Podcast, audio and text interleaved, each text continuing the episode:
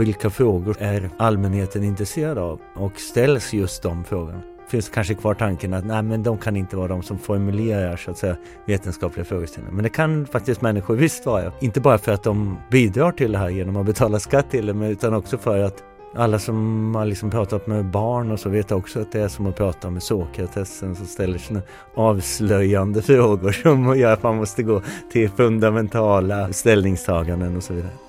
Och det borde ses som någonting givande för hela gruppen, att man kommer tillbaka med de frågorna. Vet ni vad jag fick höra? Eh, har vi tänkt på det här? Eller ja. även om man inte formulerar frågan som sån, precis som du säger, man kanske inte tänker i studiedesign och så vidare, Nej. så kan den frågan sen göras om till någonting som blir ens inriktning. Hej och välkommen till Curipodden, en podd om forskningens villkor. Jag heter Nathalie von Delie och i det här avsnittet pratar jag med musikprofessorn Mattias Lundberg och Alva Appelgren som är författare, föreläsare och doktor i kognitiv neurovetenskap. Ämnet för samtalet är från forskning till populärvetenskap. Men innan vi kommer till det, kan ni säga några ord om er själva? Ja, jag heter Mattias Lundberg och är professor i musikvetenskap i Uppsala och eh, jag eh, höll länge inte alls på med den så kallade tredje uppgiften eller samverkan eller populärvetenskap eller vad man säger. Så jag kände ett litet dåligt samvete nästan över detta och då hade jag en möjlighet med ett sånt här arbetsstipendium att under ett år göra nästan vad jag ville och då passade jag på att eh, och då fanns det ett intresse för radion då, Sveriges Radio P2 att göra någon slags folkbildande. Så då gjorde jag något som heter Den svenska musikhistorien som sen gick under ett antal år och blev 106 avsnitt då från med, om svensk musik från yngre stenålder som vi har de äldsta beläggen då fram till 2018 som det var när vi gick i mål med detta, rent kronologiskt alltså. Men det vart ju lite rivstart på detta område men sen har jag tyckt att det varit väldigt roligt att hålla på med detta med folkbildning just. Ja, jag heter Alva Appelgren eh, och jag har jobbat med forskning och, eh, som författare och föreläsare. Det har handlat om motivation och om återkoppling, olika sätt att eh, se på det här med varför man eh, tar sig an saker och varför man ger upp. Ja, på olika vis. Så det är mycket det som jag har då jobbat med, både inom forskning och sen då som föreläsare och genom att skriva boken. Men du forskar inte nu längre? Nu forskar jag faktiskt inte längre, eh, utan det gjorde jag färdigt när jag disputerade vid Karolinska institutet. Så det som jag har skrivit om är framförallt det jag gjorde tidigare då. Det var ju det att jag ville gärna sprida det som jag hade forskat om då. Så när jag doktorerade visste jag inte om det egentligen skulle vara intressant för fler, det som jag höll på med. Det blir lätt så att man snör in på någonting och så vet man inte om det, ja, för vilka det egentligen, man har sin målgrupp men ändå kan det vara relevant för andra. Och i, så här i efterhand så är det väl klart att eh, sånt som har att göra med att vara motiverad och vad vi säger till varandra och bemötandet och ja, olika sorters eh, faktorer som påverkar ens koncentration och alla de här sakerna är ju jätteintressant har jag fått eh, lära från många då. Eh, så det var inte bara jag själv som tyckte det, utan när jag skrev boken så var det ju också, ska man säga, att skriva en bok om att eh, ja, den heter ju motiverad, så just det här med då att skriva den, vara motiverad att skriva det, vad, vad var mina drivkrafter, vad kan man ha för olika sorters sätt att se på saker och även det att, att bli klar med någonting och sätta upp mål. Ni vet, alla de här sakerna blev ju väldigt tydliga, lite som ett metaperspektiv. När man skriver om det, intresserar sig för det, kollar in forskningen och sen försöker göra det då tillgängligt för andra. Så det var en eh, väldigt rolig process att göra. Just motivation är ju någonting som många kan relatera till. Ditt ämne är lite smalare Mattias. Hur tillgängligt gör man det? Jag tror många tänker på att det här som man håller på med, det är väl ingen annan som är intresserad av. det. man får helt enkelt hitta ingångar till på samma sätt som att just det här med motivations forskning och allting bakom detta, psykologin och också så det sociala och så. Det är något som påverkar människ alla människor, så ingen kan ju egentligen inte vara intresserad av detta. För man, och med, på samma sätt är det med musik så är det väl så att de flesta har någon slags relation till detta, fast det kan vara en väldigt passiv sådan, att man bara lyssnar på det som, som låter när man sätter på en, en apparat. Det kan vara allt till att man spelar själv eller så. Men eh, det finns väldigt få som inte har det i sina liv och då får man väl på, lite på samma sätt utgå från det här att eh, man kan närma sig det här tror jag från olika håll. Dels gäller det tror jag, att, att göra folk medvetna om att det finns ens forskning. På det. det kan vara väldigt många som har en relation till någonting men man vet inte att det också går att veta massa saker om detta. Och det gäller säkert samma för dig. Ja men absolut, att man inte känner till olika saker och sen som du säger, det är ju också hur man beskriver någonting för någon annan. Att det mm. kan vara, jag menar mycket handlade om arbetsminne och egentligen grundforskning, vilka liksom områden i hjärnan aktiveras när det här händer och har det här att göra med eh, liksom hur vi tar emot signaler och så vidare. Så egentligen den, den delen, många säger ju det att grundforskning, det liksom går inte att sprida på det sättet. Men det går ju också att göra. Det är ju liksom kunskap som all, all annan, att man måste bara förstå hur man ska formulera det för olika målgrupper. Och det är det som du sa där, är ju sådana saker som säkert förekommer nästan dagligen i olika liksom kafferum och så. Och att man sitter och pratar om hur är det med det här, vad kan man veta om det? Och då tror jag väldigt många inte ens känner till att det finns forskning om detta och att man kan faktiskt veta mycket mer. Och den bedrivs till och med oftast med skattepengar. Så att man har ju då en skyldighet, inte bara att berätta utan också att berätta att det finns något att berätta. Mm. Detta tror jag spelar väldigt stor roll i också då jag menar även från eh, finansiärers håll och från lärosätena så vill man ju att den här kontakten ska finnas. Att du har skrivit den boken gör ju att du har säkerligen då hundrafalt fler läsare än, än vad en artikel i en tidskrift hade haft.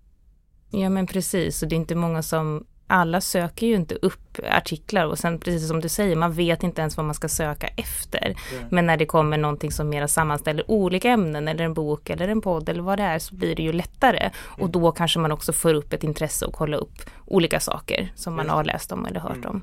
Så det föder ju mer förhoppningsvis. Jag hade tänkt komma in på det där som du sa att man måste veta att forskning finns lite senare. För att du har nyligen skrivit en debattartikel, DN Kultur. Kan du mm. berätta lite mer om den? Det var ju en liten debatt om just det, vad, hur humaniora ska ägna sig åt folkbildning och hur når humanister ut i samhället och så vidare. Bilden av eh, forskning eh, för många är kanske just medicin, teknologi och eh, naturvetenskap möjligen, kanske inte ens det utan framförallt medicin, farmakologi och sådana saker. Hur botar vi diabetes? Hur kan vi få en bro att hålla? Hur kan vi bygga snabbare flygplan? Och så. Det tror jag många tänker att det här är, där finns det forskning, det är forskning som driver där. Men när det gäller humaniora så är det kanske mer folk vad forskar man om egentligen? Museer? Är det vilken musik som är bäst? Eller vad är det man egentligen frågeställningar?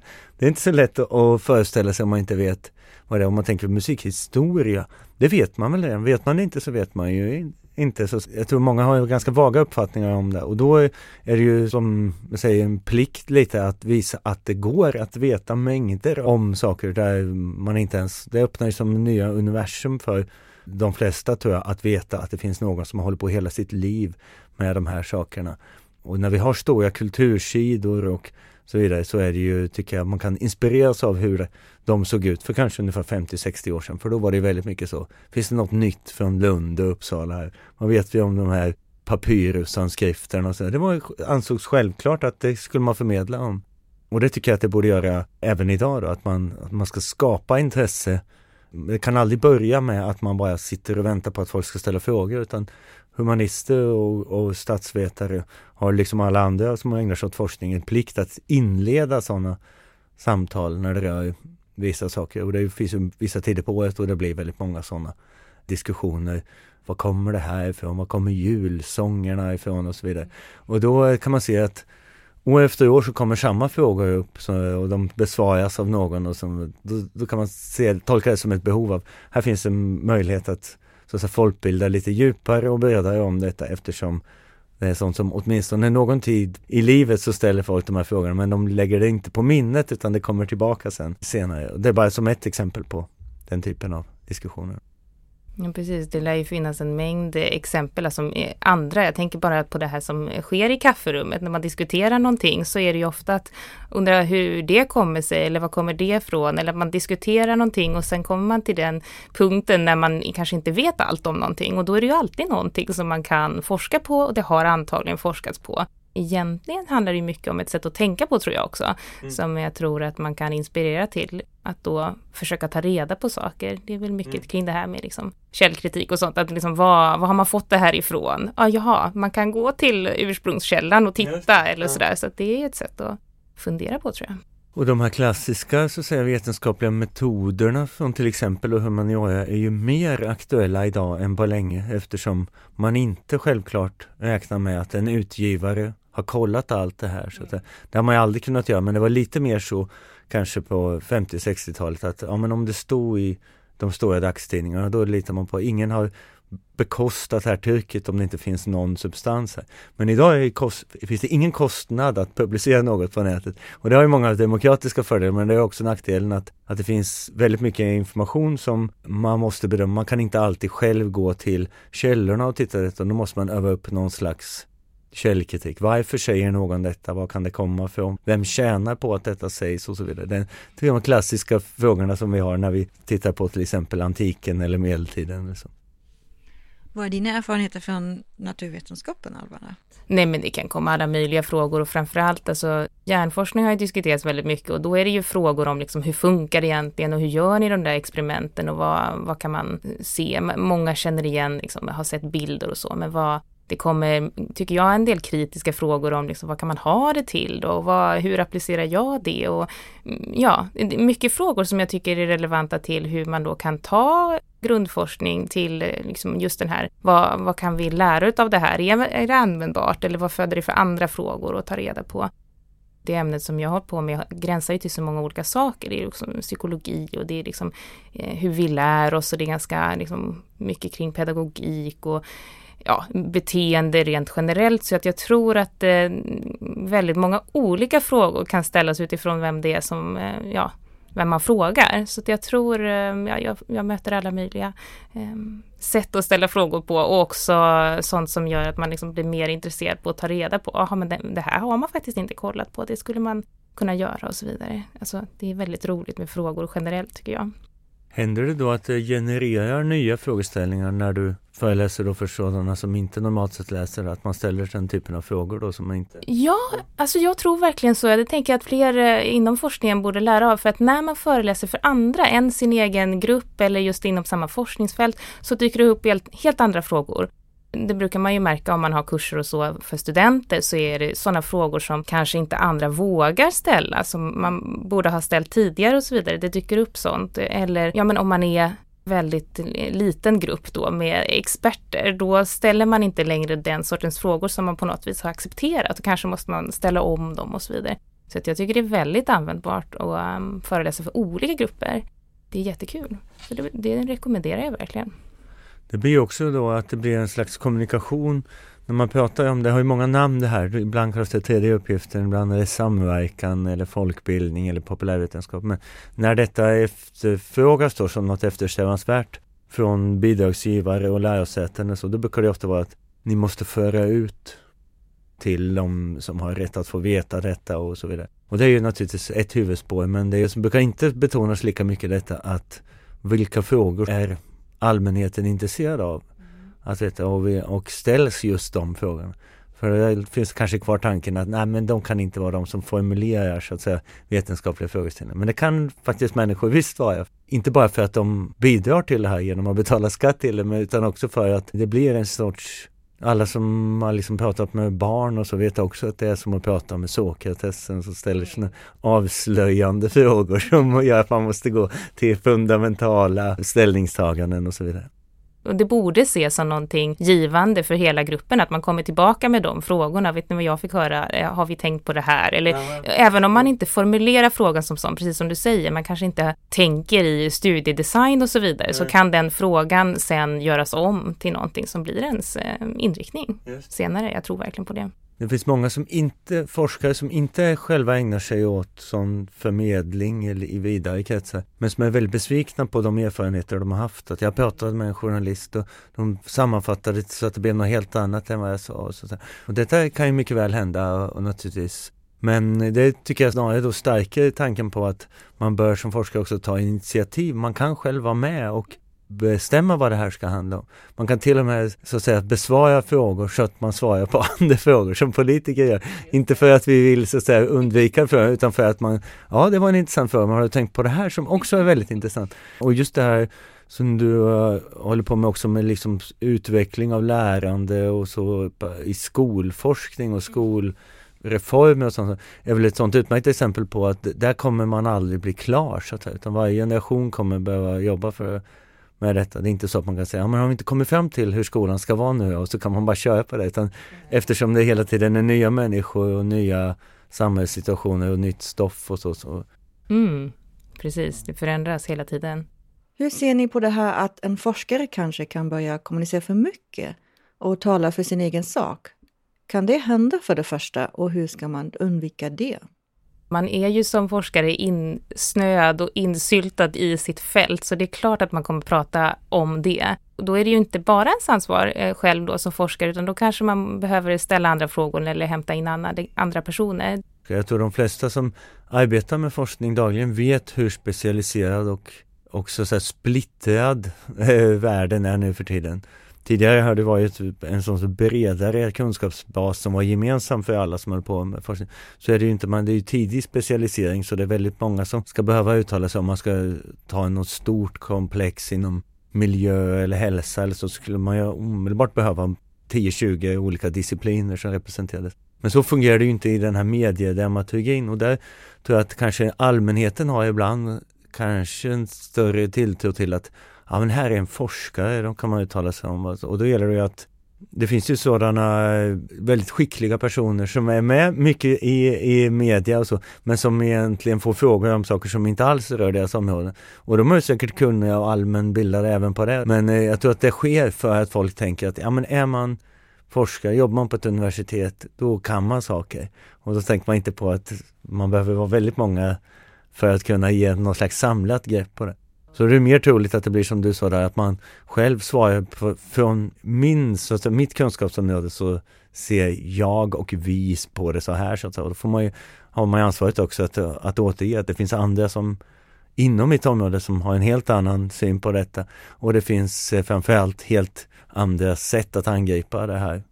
Precis, jag håller med om det du säger, för jag tänker att det är just det där med vilka frågor som ställs det kan man ju då inte veta alltid i förväg utan då kommer, slinker in frågor om, om andra ämnen mm. som då den som intervjuar vill, verkligen vill ha svar på. Mm. Och då är det ju svårt att, att, säga att det här är inte mitt område på varje fråga utan någonting behöver man ju svara och det kanske till och med är sånt som inte Ja, som man inte har hållit på med. Mm. Men eh, ja, som du säger, det gäller väl att vara tydlig då med att det här är kanske min personliga åsikt om vad jag tror kan vara bra, men den forskning jag har gjort eh, handlar egentligen om andra saker, eller man ska säga någonting mm. som förklarar det, men det är ju en svår sak också, för att det kan vara svårt att ställa då precis de frågorna som relaterar exakt till de studierna man har gjort. Och kanske har man lite grann ett hum om då eh, forskargrupper som har hållit på med det och kan återge det på ett vis då som ändå ger dem eh, den cred som de ska ha, de som har gjort den forskningen. Men det är faktiskt en, en knepig fråga. Det hänger ju ihop med både den som eh, får frågorna och den som ställer dem. Det är närheten till forskare som man på något sätt vill förmedla att den finns. Så att i stort sett vem som helst kan vända sig till en för att det finns någon som arbetar med det här och där kan man få svar. Så att. Det finns ju en större distans till en forskning som förmedlas genom mer sådana här rön korta rönartiklar som är vanligt ibland när tidningarna kanske vill fylla ut med någon spalt och så kommer det att en, en forskargrupp i Kalifornien har visat att kaffe inte är så farligt som man har trott. Och så. Det är ofta sådana saker som man märker redan utan att kunna omöta att det är eh, slutsatser som kanske inte alls var det centrala i det som man har gjort.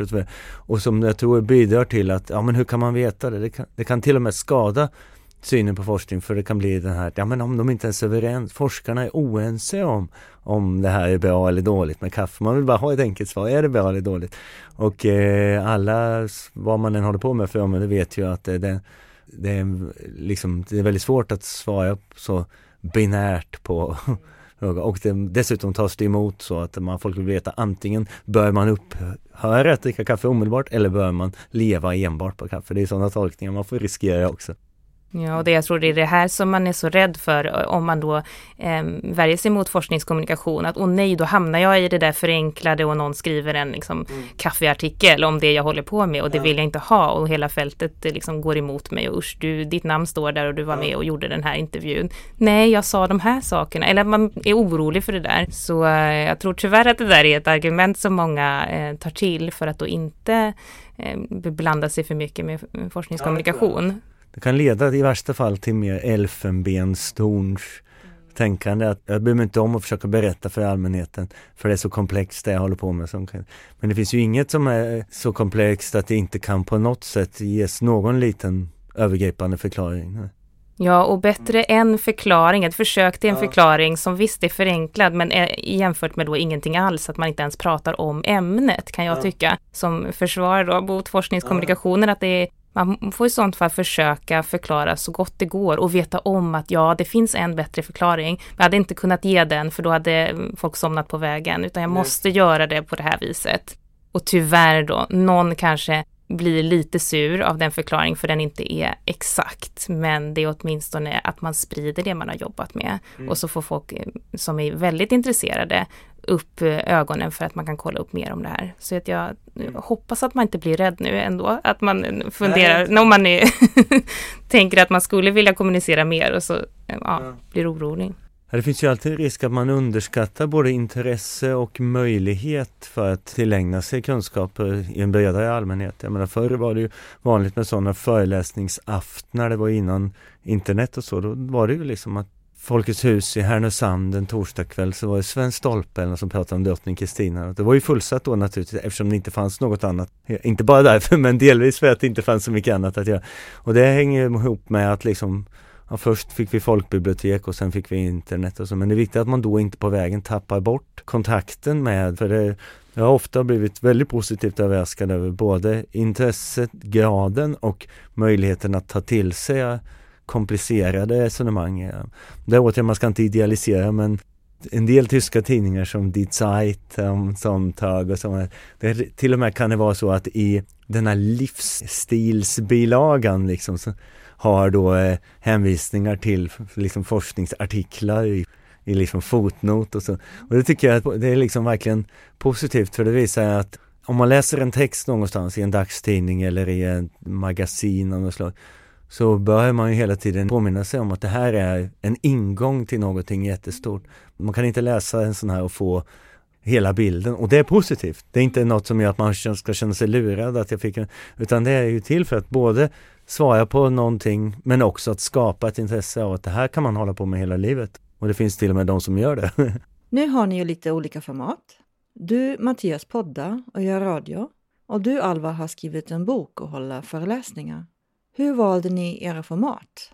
Det är väl det här med eh, möjligheterna man också får, men det är ju att skriva, när jag fick chansen att göra det, är det ju ett sätt som är väldigt roligt. Man kan gå igenom just det här med vad man vill få, få sagt och så vidare, vad, ta upp saker på ett annat sätt som eh, i en föreläsning. Då får man ju förstås ett direkt bemötande, så det är ju väldigt roligt att man kan liksom se hur det tas emot på ett annat vis. Men i, i, en bok i alla fall har man ju chansen, apropå det här med hur man formulerar saker, att faktiskt försöka beskriva det på ett sätt som man tycker är bra då. Eh, så här i en podd är det ju inte alltid att man, då är det ju mer levande i en konversation, så då är det ju helt annat sätt att, att kommunicera. Så det är roligt med just de här alla olika format. Jag tycker att det är svårt att begränsa sig till, eh, till ett, om man får möjlighet att göra. Det är väl snarare så, man ska haka på det man får chans att göra.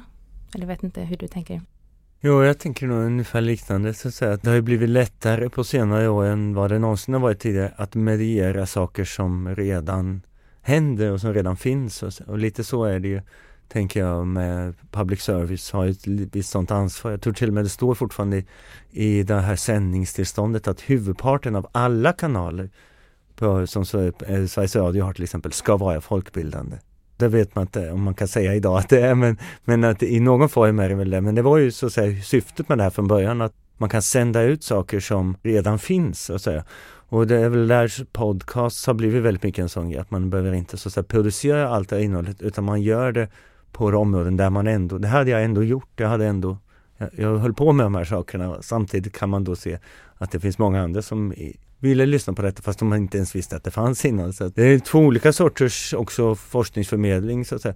Det finns ju en väldigt professionella och skickliga vetenskapsjournalister som gör en typ av förmedling som kanske man som forskare aldrig skulle kunna göra så att säga, för man har inte de här, hur ska man lägga upp det här, vad är vinkeln och så vidare.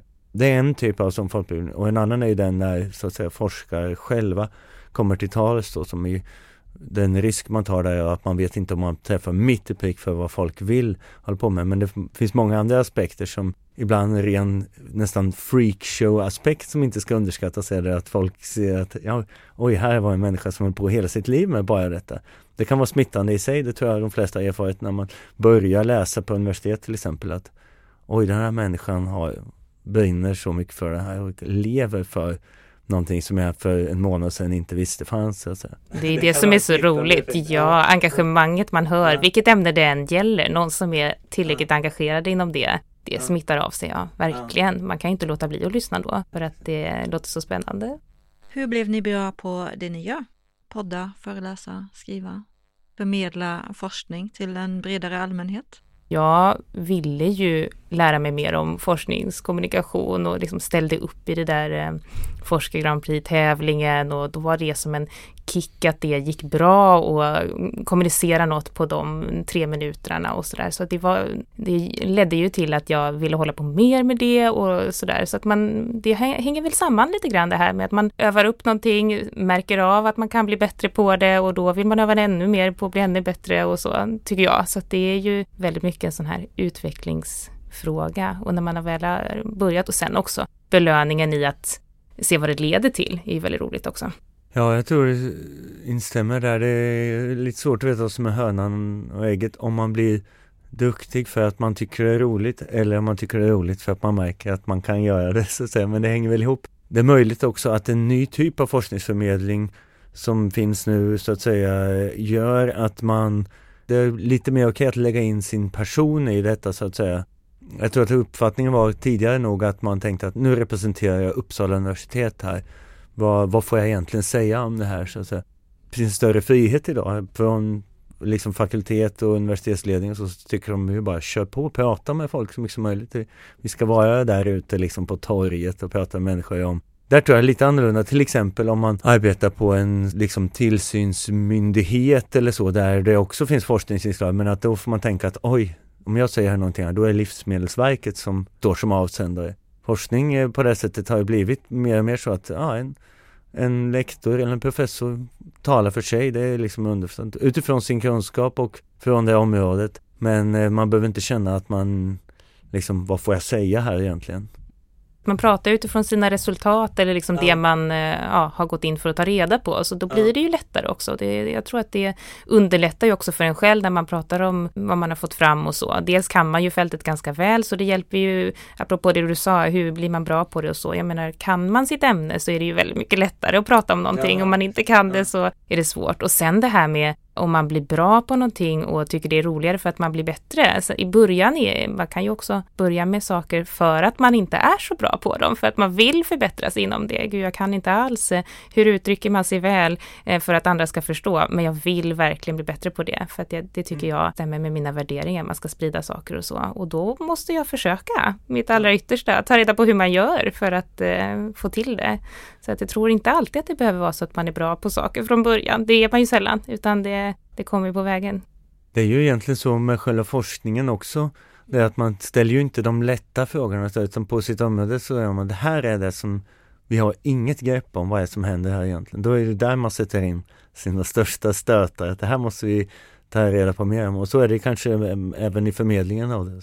Och det är verkligen, det kan låta ibland som nästan en klyscha när någon säger att ah, jag lär mig så mycket av att undervisa studenter, jag lär mig så mycket av folkbildning. Så att, det låter som ett sånt här falskt ödmjukhetstopos. Men det kan jag verkligen bekräfta. Det finns ett annat program som vi har gjort i P2 som heter Fråga musikprofessorn som är sånt helt genererat utifrån frågor, så alltså ungefär som språket eller plånboken och de här i P1. Varje vecka när vi gör sådana lite stötvis då, så, så är det ju frågor som jag aldrig har stött på i forskningen, men som oftast kan relateras till saker som, och det, det är ganska fascinerande och egentligen inte konstigt för jag menar Många personer kan komma på många fler ingångar än få personer. Och på universitet finns få personer som vet mycket men det är, de är fortfarande få personer som man lite begränsad i vilka frågor man ställer. Men när det kommer sådana frågor som aldrig någon har ställt så, så berikar det faktiskt forskningen också. Så att. Har du något exempel på någon sån fråga? Man kan bli varse sådana här saker som till exempel eh, av nästan lite etnografisk eh, karaktär, alltså som man bara kan få reda på genom att ha kontakt med lyssnare till exempel. Ett sånt eh, lite kort, det har vi inte haft uppe i något program men det kanske vi ska ha en, men som har slagit mig är att när jag skulle sjunga för min son ur den här Alice Tegnérs eh, så märkte jag att eh, slutfrasen, det var en bok där, sån här fint illustrerad då, som, där det var och två par strumpor åt lille, lillebror. Och så hade jag aldrig sjungit. Jag hade alltid fått lära mig lille, lillebror, inte lille, lillebror. Och när gjorde man en snabb repa på sina sociala medier så såg man direkt att det var olika delar av landet som sjöng på det ena sättet och på det andra. Och detta är som till exempel på en slags, vad är det, det brukar kallas sådana public research eller något sånt. Medborgarforskning. Ja, just det, medborgarforskning så att man kan, man skulle kunna använda eh, till exempel radio på det sättet att skicka nu in, hur brukar ni sjunga på det sättet? Det gör ju till exempel programmet Språket ofta. Mm. Hur, om det är en dialektal fråga så kommer det omedelbart från, ja, även vi i Blekinge säger detta. Ja, vi är en liten by i Dalarna som också använder detta ord och så vidare. Så då, då blir ju inte bara frågeställningar från allmänheten utan allmänheten blir också data så att säga, eller avlämna självrapporterande data så att säga det är så kul ja, att man kan ta del av det. Men det tycker jag även i mindre format eller så här när man eh, rättar olika tentor och svar och sånt där när studenter skriver in olika svar på saker kan man ju få beskrivningar som är helt fantastiska på ämnen som man tänker sig att här, här kan man bara svara på de här två sätten trodde jag. Ja. Men så kommer det något svar som är väldigt annorlunda och eh, som man då kan ta till sig och, och ha med sig från, från den tidpunkten. Det var någon som sa jag tror det handlade om så här självuppfattning och, och hjärnan och sådana här saker som jag har forskat på. Och då så, jag kommer inte exakt ihåg hur frågan var, men svaret var du är din hjärna. Och det tyckte jag var så bra, för det var en liksom fin beskrivning av liksom det här med jaget och hjärnan och hur den personen hade tänkt kring det. Och jag kommer ihåg att jag var så chockad över det. Att det liksom... Men som en modern parafras på Descartes. ja men precis, och det var liksom vad, hade jag ens ställt en sån fråga? Eller det kommer så fina svar. Och just det med, ja, när man tar del av hur andra tänker och, och precis som du säger, inom, eh, man får skicka in och sådär. Det är roligt. Alltså när det är stora produktioner och så, då kan det ofta bli ganska tungrot med många människor. Så den som fördelen med både bokformat som du säger, och om, beror på vad man har för, för kontakt med förläggare, det kan ju vara som redaktörer som vill lägga sig Men även podcasten, att ge en, en frihet att både formulera frågeställningar och vilken kontakt ja, vad man fångar upp och vad man, typ, som oftast inte kommer till sin rätt när man gör det här väldigt stora saker. Den här debattartikeln som jag nämnde, så nämnde jag just det att jag, som jag bedömer det, så var en av de stora framgångarna med det ursprungliga Fråga Lund, att, att tv så att säga egentligen medierade något där det här sköttes av forskarna, de deltagande forskarna själva. Och detta är ganska ovanligt nu i stora produktioner eftersom då är det så många som ska ja men här kan vi släppa in den forskaren och här kan vi släppa in allmänheten. Så, då var det ju genuint sådana, det kan man ju se själv i, på de här gamla avsnitten från, som ligger på SVTs öppet arkiv, att det var en värnpliktig som hade hittat en en eh, inkonsekvens i Platons dialoger och så. Det är helt fantastiskt eh, exempel på att människor som man inte tror går och funderar på de här sakerna har alla möjliga idéer som kan berika forskningen. Då. Mm. Vad får ni för respons från era kollegor och omgivning att ni ändå håller på med det ni gör inom forskningskommunikation och den tredje uppgiften? Det beror alltid på vem man frågar. Det, det är väl lite det där vad man har för syn på eh, forskningskommunikation. Om det är någon som eh, tycker att det är viktigt så får man ju det i respons också. Och framförallt tycker jag det, den responsen jag har fått har varit Sen när jag blev klar och fick liksom, och boken kom ut och så, det är mycket mer då jag har fått höra att det är positivt, när liksom halva jobbet redan är gjort eller man ska säga. Så det är ju synd att det inte uppskattas även eh, lika mycket då under tiden man håller på med någonting, kanske innan den här boken var färdig. Att, har du tänkt på att du kanske skulle sprida det här till fler eller ska vi bjuda in eh, några andra forskare från helt andra fält och presentera det här för, eller liksom göra kanske skapa mer möjligheter redan i tidigt skede, tänker jag skulle varit roligt. Eller jag vet att jag blev så förvånad över den roliga responsen som jag fick, som kom ganska långt senare eller efter då, när boken redan är färdig och sådär. Ja, jag är positivt överraskad över den positiva responsen, både från kollegor inom mitt eget område men också andra som tycker att det är roligt att humaniora har, finns med i så, att säga, radio och tv och sådär. Och jag har aldrig stött på något som jag trodde, jag hade nämligen läst om när man själv var ung student så hade jag läst om det var, minns nu inte om det var Peter Englund eller Inger Enqvist eller Dick Harrison eller någon som, som hade klagat på att, att, eh, att fick liksom menande blickar av kollegor så att man ska inte hålla på att det var kanske dels att man rapporterade om andras forskning och såg som en liten revirpinkning men också att det var, nej men det, det där ska man inte hålla på med. Men jag, kanske är olika också var man är och i vilken tid men idag tycker jag att det finns väldigt starkt mycket hejarop från, från kollegor och så som tycker det är roligt att, eh, att det överhuvudtaget kommer igenom. Det är inte så lätt att komma igenom det här informationsberuset som är idag så att säga. Mattias, du var ju med i år och har eller inte kommenterat, men du har förekommit i flera nyheter om Melodifestivalen. Det är ju ganska långt ifrån forskning, tänker jag. Det är ju verkligen underhållning och eh, ja, hur tänker du där när du är med och kommenterar? Det är både den i vissa läger mest älskade och i vissa läger mest avskydda formen av public service för det ställs ju ofta mot just det seriösa, nyhetsrapportering, vetenskapsrapportering, folkbildning och så vidare. Som ett slags mer underhållning som dessutom har nu har växt i sån omfattning så det pågår hela våren.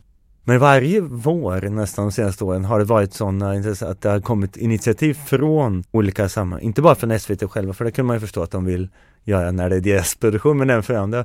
Och detta tror jag har att göra med att det är ändå så pass många som följer detta. Och det är en sorts musik. Jag har ju, det finns ingen liksom principiell skillnad mellan Beethovens senaste stråkkvartetter och, och de här slagermelodierna. Det är ju ändå samma sorts musik. Den är till och med så att den bygger väldigt mycket, att den lätta populärmusiken idag förutsätter ju hela västerländska musikutvecklingen så det finns mycket man kan göra där. Och då blir det ett sånt fall att om man vill att jag ska svara på någonting om det så kommer man ju göra detta och då kan en del kanske tycka ah, varför ska jag hålla på och prata om Melodifestivalen? Det är inte mer intressant att prata om om Haydn och så. Men det är ju att man inte kan välja där. Det är inte så att journalister kommer höra av sig och fråga om hur det, skrevs den här kvartetten 1783 eller inte. Utan det är den typen av frågor. Och då är ju med musik så väl beskaffat att det finns väldigt mycket man kan lära sig utifrån dagens exempel så att säga. Man kan lära sig både terminologi och varför vi upplever musik på ett visst sätt, harmoniskt och melodiskt och på det sättet så gör ju alla en sorts musikanalys när de lyssnar på musik, fast man kallar det inte så. Utan man tänker på att eh, första gången man hör en, en sån här melodifestivalslåt, många i vår generation kanske hör detta främst för att barnen vill titta på det och så vidare. Och då ehm, så tänker man på vissa saker och man tänker, jaha, ja, man kan, utan att säga så får man en bild, en karta av hur den här låter. Andra gånger man hör så vet man vad man ska förvänta sig, då lyssnar man på ett annat sätt och så vidare. Och detta är ju inget annat än musikanalys egentligen. Så att det har jag ofta tänkt att man kan ta som utgångspunkt att, att så att säga folkbilda kring. Det är egentligen inte konstigare än att fysiker har valt sådana metaforer som strängar eller äpplen och så på Newtons tid. Så, man tar någonting som nästan alla kan, man kan peka på som ett objekt som alla vet vad det är. Eller i alla fall bara ett klick bort så kan de kolla den här melodifestivalen. Och sen kan man säga någonting om hur musiken är uppbyggd och varför det låter som det låter och så vidare. Jag tycker det är ganska intressant som fenomen också detta men eh, det finns nog de som tycker att, att det, man borde ha tagit den här platsen till som sagt att prata om helt andra saker inom musik. Men då hade man inte fått den platsen. Så det är sånt man inte kan välja. Antingen man är med eller inte. Så att säga. Mm, ja men det är väl ett utmärkt sätt att göra det på med något som är så dagsaktuellt, all, alla känner till det och, ja, liksom, och sen få in någonting som man då tycker är relevant i andra sammanhang också. Så, där. så ja. det är väl väldigt eh, smart sätt. Sen de här kritikerna som du pratar om, de kommer ju finnas oavsett eh, vad man säger och hur och ja. när och alltihopa. Så det går nog inte att undvika. Det kommer alltid finnas någon som tycker att det var synd att man sa på det viset eller deltog i det Precis. sammanhanget ja. eller någonting. Ja, ofta är det ju det att det Många är besvikna över att någonting får uppmärksamhet när det är annat som inte får det så att säga. Mm. Och det blir mer som ett nollsummespel eller att Istället för att tänka att aha, nu pratar man om musik i nyheterna. Det är lite ovanligt i sig då. Så, så att, ja, ja, det pratas om musik men varför var det inte den här musiken och så vidare. Och det får man ju se på något sätt att förhoppningsvis fångar in någon att lyssna på andra saker också så att säga. Jag har en fråga som återknyter lite till början, någonting du sa Mattias, att det var när du fick ett stipendium eller medel som du kunde förfoga över som du ville att du verkligen kom igång med forskningskommunikation.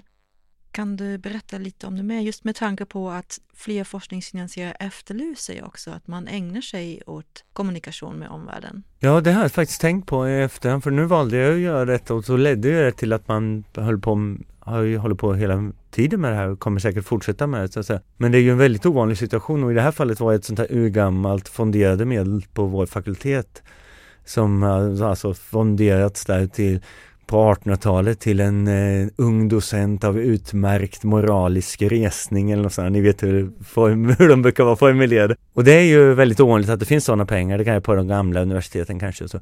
Desto större skäl till att forskningsfinansiärerna har riktade satsningar som är inriktade på samverkan.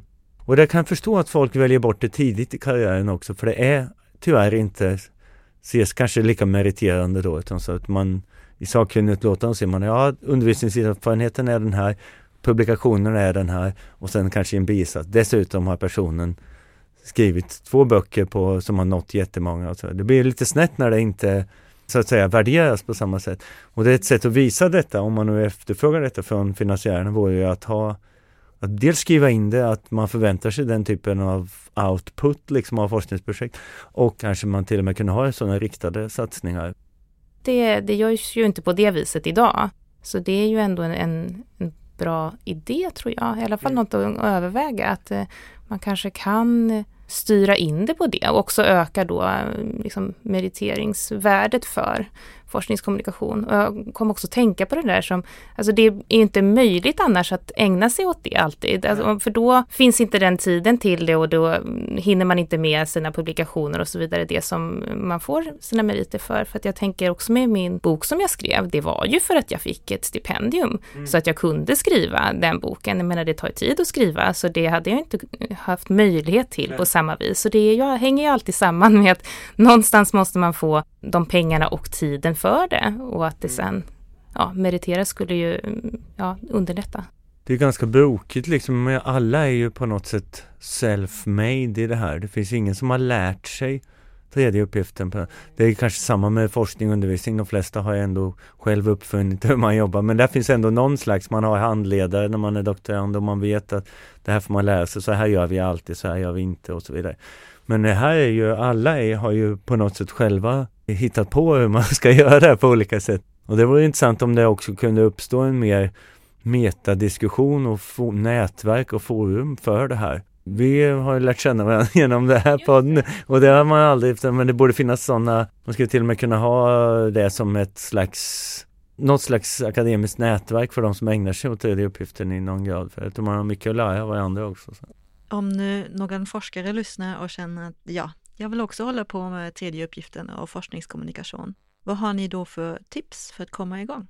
tipsen för att komma igång, det är sånt här med motivation och så, men det handlar väl också om omgivningen där, att man hoppas att de är positiva till eh, när någon person då kommer med det förslaget, att jag skulle jättegärna vilja göra den här podden eller vad det nu kan vara för mm. någonting att man då möter det. Så det kanske inte är just till den här forskaren som har idén utan kanske mer till omgivningen där. Att man möter det med liksom, ja, men engagemang och uppmuntran och så. Att man ser det som det positiva det är. Här finns en chans att vårt forskningsområde kan liksom få mer spridning till fler. Så jag, jag tycker snarare det, den personen som är intresserad, det är bara att gratulera till att uh, ha hittat någonting kul att göra som är, är värdefullt. Men omgivningen där hoppas jag mm. stöttar. Man skulle använda så befintlig infrastruktur i väldigt hög grad. Något jag själv aldrig har gjort, till exempel Youtube har jag aldrig använt på det sättet. Men det har jag ofta tänkt på att vad mycket det är man missar, man ser, att här var ett seminarium, eh, någonting som var jätteintressant. Då kanske det är 20 personer där, superintresserade personer och jättebra diskussion, men det är ändå bara 20 personer. Men det som, om det här eventet ändå genomförs, varför inte använda en sån infrastruktur som Youtube till att nå hundrafalt fler då? Som inte hade möjlighet att vara där på plats och så vidare. Så det har jag tänkt, fast jag har aldrig själv gjort det, så jag vet inte hur man praktiserar, men det borde nog gå att göra mycket mer tror jag. Med tanke på att det finns liksom tonåringar som har många, vi kan ju aldrig slå dem i antal följare och så vidare. Men det visar ju ändå att det går att göra detta med ganska, varför inte bara göra Youtube-filmer där man själv pratar om det man tycker är roligt. Jag tror det skulle vara ett väldigt effektivt sätt. Absolut, enkla medel. Jag menar, ja. det behöver inte ta, kosta i, i pengar på det viset Nej, heller. Och många sådana här saker när man sprider någonting, även om man går tillbaka till lite mer analoga vis, att liksom mm. hålla en föreläsning på ett bibliotek, alltså det kostar inte någonting så, utan då, då, kan de som är där gå förbi och lyssna och det är väldigt uppskattat och någon ja. som inte hade tänkt sig att lyssna kommer över det. Och lite ja. liknande med om man sprider det i sociala medier och så, att man, hur ska man säga, det är ju alltid via någon som man känner men kanske ganska långt ifrån från början. Man hade inte klickat på den länken men sen har den delats så mycket så att det når en och så vidare. Yes. Så det är ju, det finns ju sådana möjligheter. Det känns så onödigt också med det här med att uppfinna hjulet och så vidare. Man behöver inte göra saker om det redan finns och då kan det ju vara att man blir tipsad om att delta i någon annans eller ja, den intervjun kan du göra eller du kan, ja, vad det nu kan finnas för saker som gör att eh, det underlättar. Jag tror definitivt att det också skulle eh, minska det här motståndet att delta delta om det fanns en lätt möjlighet att bara kontakta och sen då, okej okay, jag är med i en av de här sakerna men det betyder inte att jag engagerar mig på heltid utan liksom bara hoppa på ibland och också sprida det till andra. Så det tror jag är ett utmärkt sätt.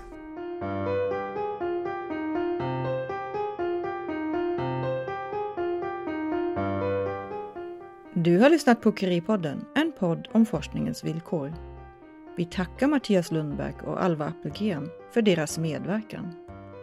Du kan hitta en länk till Mattias poddar och till Alvas bok på vår hemsida tidningenkuri.se. Där hittar du också artiklar, debatter och bloggar om forskningens villkor och forskningspolitik. Är du intresserad av forskningskommunikation? Lyssna gärna på det förra poddavsnittet där jag pratar med Magnus Bremmer från Bildningspodden. Jag som har pratat med Alva och Mattias och redigerat det här avsnittet heter Nathalie von Delia. Tipsa gärna dina vänner och kollegor om Curie-podden. Curie-podden finns på Soundcloud, iTunes, Spotify och Acast. Tack för att du har lyssnat!